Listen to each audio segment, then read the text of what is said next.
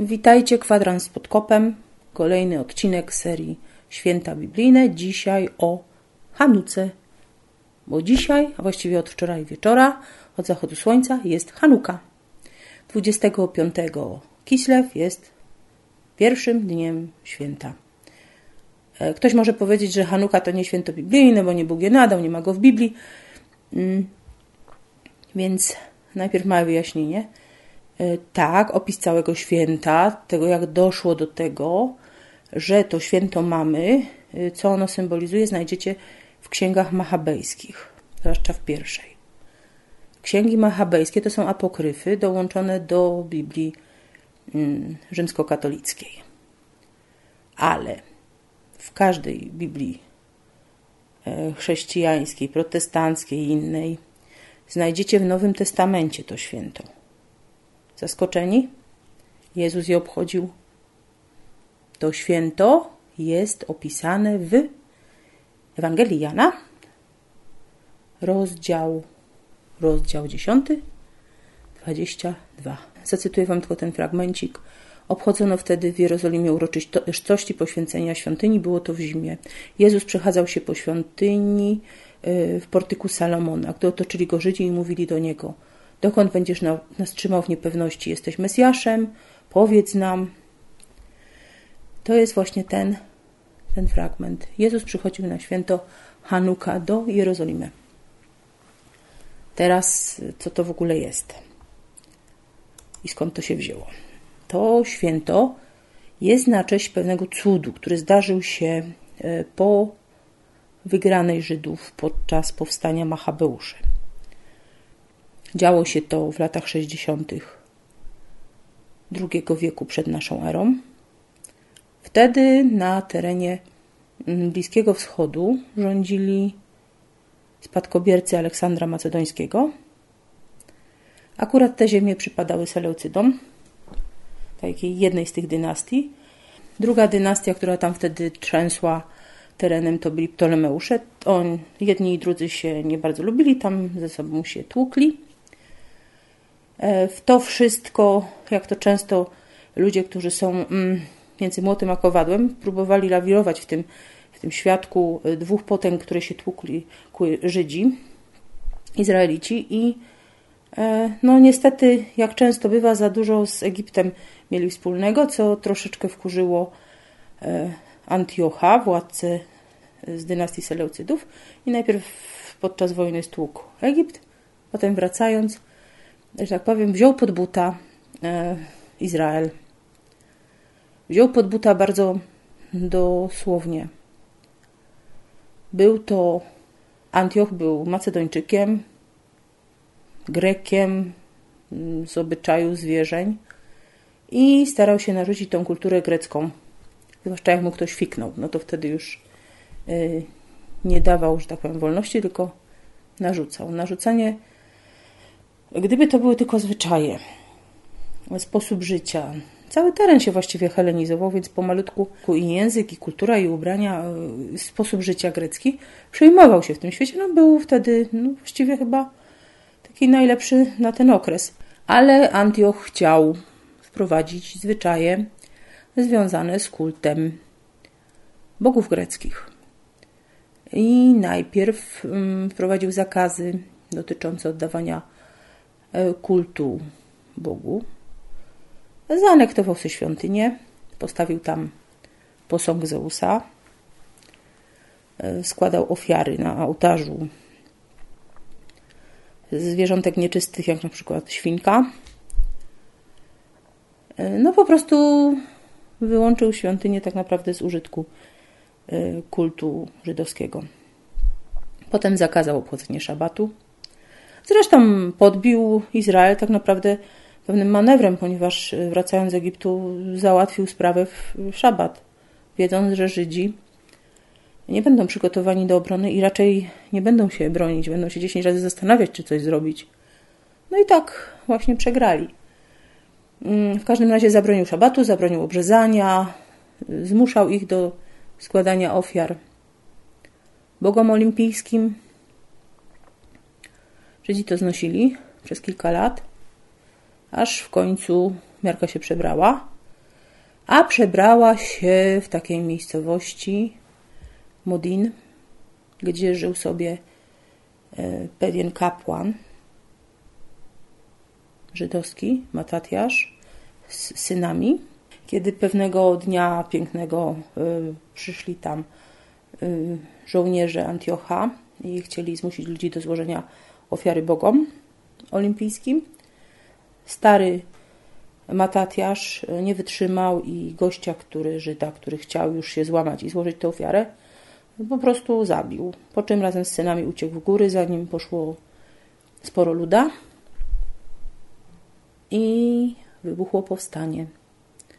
Powstanie, które tak naprawdę nie było powstaniem narodowym, powstanie to było w obronie wiary, w obronie tego, w co wierzę, jak wierzę, e, żeby mogli e, czcić Boga na swój sposób. Oni nie zabraniali Grekom robić po swojemu, ale no, bez przesady. Nie mogli się zgodzić na coś, co spowodowało trochę wcześniej e, niewolę, utratę świątyni itd. Tak w każdym razie wybuchło powstanie. Matatiasz zginął szybko potem przywództwo powstania objął jego syn Juda, zwany Machabeuszem. Stąd powstanie machabejskie. I bardzo szybko odzyskał Jerozolimę. Y, z Antiochem się jeszcze tłukli. W każdym razie po odzyskaniu świątyni oczyszczono ją. Oczyszczenie tej świątyni y, i wznowienie tam kultu wymagało innymi zapalenia E, menory. I to zrobić potrzebna była oliwa, czysta oliwa, ale tylko jeden z manuszek takiej oliwy się znajdował świątyni. No właściwie to była porcja na jeden dzień. Po oczyszczeniu, kiedy e, znowiono ten kult, no zapalono tą menorę. No i co teraz? Na kolejną porcję takiej oliwy czystej e, trzeba było czekać 8 dni. Okazało się, a nie mogła ona zgasnąć. Okazało się, że menora paliła się przez te 8 dni, aż przyszła nowa, nowa czysta oliwa do lampy w świątyni. Y, co ciekawe, ten cud, bo tak to jest odbierane, zdarzył się nie w czasie wojny, ale już po oczyszczeniu świątyni, więc był tak naprawdę wydarzyło się coś y, w momencie, kiedy już była wygrana, jakby potwierdzenie tej, tego, y, że Bóg stał za tym, że że znowu, że walczyli po prostu o to, o to żeby móc wierzyć i yy, móc, móc czcić Boga. To święto jest nazywane świętem świateł, bo to właśnie chodzi o to światło. To światło, które zapalono y, wtedy i które jest niezbędne do kultu. Jeżeli chodzi o samo powstanie, no to yy, tam było kilka fajnych bitew, ale to bardziej podkopowy temat, między innymi jedna bitwa w Emaus, bardzo ważna. Tak naprawdę to ta bitwa zdecydowała, można powiedzieć, zdecydowała o wygranej. Stosunek powstańców do armii Antiocha to był między, tak mniej więcej 1 do 8, 1 do 10, z tym, że tamta armia była po zęby uzbrojona, ci łapali co mieli, ewentualnie co zdobyli. Może najpierw z tej historii machabeuskiej jeszcze ciut. Machabeusze E, objęli wkrótce, że tak powiem, władzę nad Izraelem. Byli, pochodzili z rodu kapłańskiego, więc e, rządy w świątyni, ale i nie tylko e, w świątyni. Kolejno Juda, jego bracia i ich potomkowie. To był też ciekawy czas, ponieważ był to okres pierwszych kontaktów między Rzymem a Żydami. Podpisano wtedy umowy, taki traktat, traktat, w którym uznano innymi tam autonomię żydowską. Wydawali się sojusznikami, no bo e, Rzym wtedy Rzym wtedy dążył do, już do hegemonii nad światem i pokonania dziedziców e, Aleksandra, tych e, trzech potęg, które powstały z jego imperium, a Żydzi też no, mieli interes w tym, żeby ani Ptolemeusze w Egipcie nie, za bardzo nie wyrośli, ani Seleucydzi, którzy na nich położyli łapę. Wydawało się to dobrym interesem. Jednak, jak, no, jak to bywa zwykle, e, wkrótce tam też między nimi dochodziło do różnych starć, e, kłótni, awantur. końcu jedna z tych rywalizacji, takich awantur wewnętrznych, rodzinnych, skończyła się interwencją Rzymu. Przybył tam Pompejusz. E, Pompejusz wraz z legionem zmasakrował Żydów, wszedł do świątyni i zaczęła się, zaczęło się panowanie właściwie rządy Rzymów w Izraelu, więc ten okres takiej mm, podniesienia głowy był bardzo krótki. Zostało jednak po tym okresie święto. E, święto przywrócenia świątyni, oczyszczenia świątyni, święto świateł, czyli Hanuka. E, takie ważne elementy dla Hanuki to jest świecznik. Jest to świecznik, który ma 9 ramion. 8 to są takie świece, które się zapala dzień po dniu, kolejną, czyli pierwszy dzień jedną, w drugi dzień y, dwie, w trzeci trzy i tak dalej, i tak dalej. A ta dziewiąta to jest świeca, od której się to odpala, ponieważ nie można odpalać jednej świecy od drugiej. Wiecie, jak to bywa? No, Żydzi potrafią skomplikować proste sprawy czasem. W każdym razie ten świecznik to jest taki symbol hanukowy. Z tego światła nie wolno było korzystać do celów, że tak powiem, praktycznych. Więc to światło miało tylko przypominać. Stawiano w widocznym miejscu, przy drzwiach, w oknie. I tutaj takie coś, y, nie kojarzy Wam się takie świeczniki, tak zwane adwentowe, one zazwyczaj mają 8 e, ramion, tak troszeczkę w kształt piramidki, czasem nie, ustawiane w oknach, światło w oknie, w okresie Adwentu. Jak sądzę, jedno to pochodzi od świecznika hanukowego, bo to się też rozpowszechniło na tych terenach, gdzie zwłaszcza e, Hasydzi żyli. Więc świeczniki hanukowe mogą mieć pewne powiązania e, i ze świecznikami adwentowymi. Same te lampki hanukowe zresztą są bardzo fajne. Obok menory jest to najbardziej znany taki świecznik w miastach, gdzie jest troszeczkę większa jakaś grupa Żydów, zazwyczaj stawia się też na widocznym punkcie taki jeden duży miejski świecznik hanukowy, który się pali. Oczywiście jest, różne są zwyczaje, od której strony należy zapalać, którą świecę i tak dalej. Y, przyjął się ten obrządek Hiliela, o, o tym gościu mówiłam w serii Historia chrześcijaństwa całkiem niedawno ale do dzisiaj sprzeczają się, czy to jest właściwe, czy od prawej do lewej, czy od lewej do prawej. Y, zapalając świecę odmawia się błogosławieństwo, zapala się je na trochę więcej niż pół godziny, tak powinno być. Y, po zachodzie słońca, jedni robią to tuż po zachodzie słońca, drudzy jak już jest kompletnie ciemno i w czasie, y, w którym się palą te świece, nie wolno pracować, jest to czas odpoczynku. A tak w ogóle to 8 dni, jest to dzień laby dla dzieciaków. Dzieciaki mają wtedy Mm, święto. To jest takie mm, nasze, nasza Wigilia i Boże Narodzenie rozciągnięte na 8 dni dla dzieci. Dlaczego tak mówię? Bo y, dzieci nie chodzą do szkoły, nie muszą się uczyć, daje się im kompletny luz, dostają prezenty. E, a propos prezentów. Daje się dzieciakom pieniążki. Kiedyś to były pieniądze, które dzieciaki czy też y, uczniowie dawali swoim nauczycielom. Potem zachowywali je do siebie, a na początku XX wieku wymyślono pieniądze czekoladowe.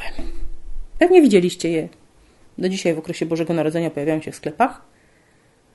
I te pieniążki hanukowe mm, dostawały dzieciaki y, właśnie w pierwszy, w ostatni, niektórzy dają codziennie coś, dzień Hanuki. Y, bardzo szybko w Ameryce zrobiono też z tego pieniążek mikołajkowy, czyli w tym samym okresie y, i chrześcijanie, i Żydzi produkowali czekoladowe pieniążki, a dzieciaki je, w... a dzieciaki je zjadały. Oprócz tego jest jeszcze bączek. Bączek to jest takie małe, mały bączek, właściwie taka kostka, którą się kręci, na której są literki. Te literki mówiły, można przeczytać po prostu symbole tych liter. Jest jakby skrót, że zdarzył się wielki cud. Obecnie czyta się cud w Izraelu. Cztery osoby siadały, kręciły bączkiem, w zależności od tego, co wypadło, albo się wygrywało, albo przegrywało zdecydowały tutaj litergi. Jedna mówiła, że nic, druga, że wszystko bierzesz, inna, że połowę. No fajna gra, sama takiego bączka mam i jest bardzo prosty, a zabawa może być przednia.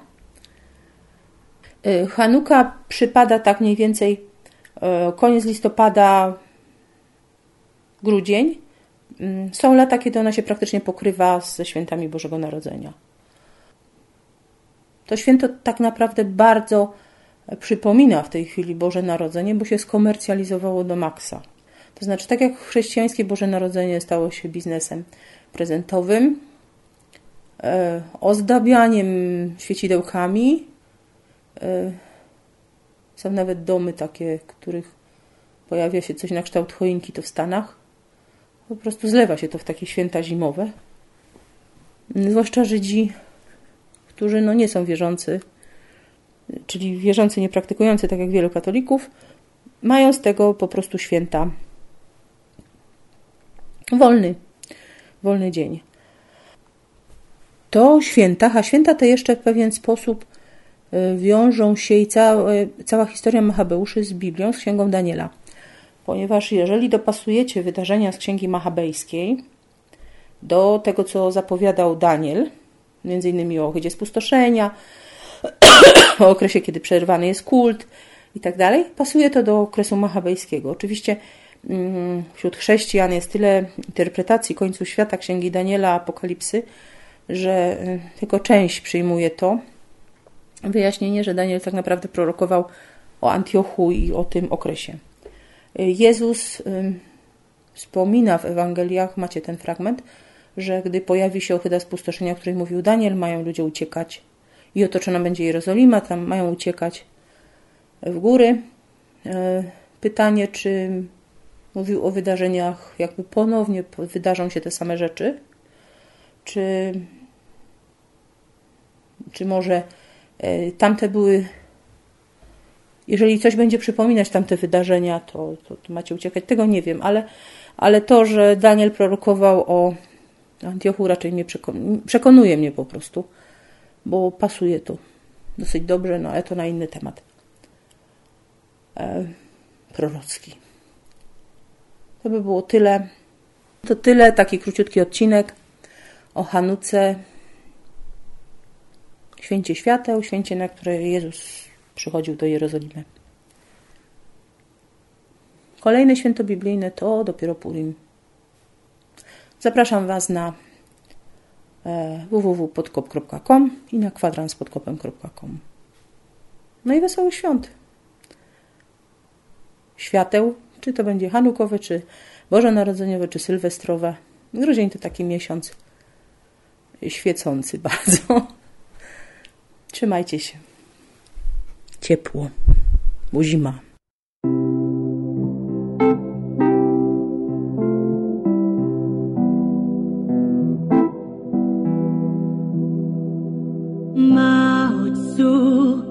ישועתי, לך נאה לשבח. תיכון בית תפילתי, ושם תודה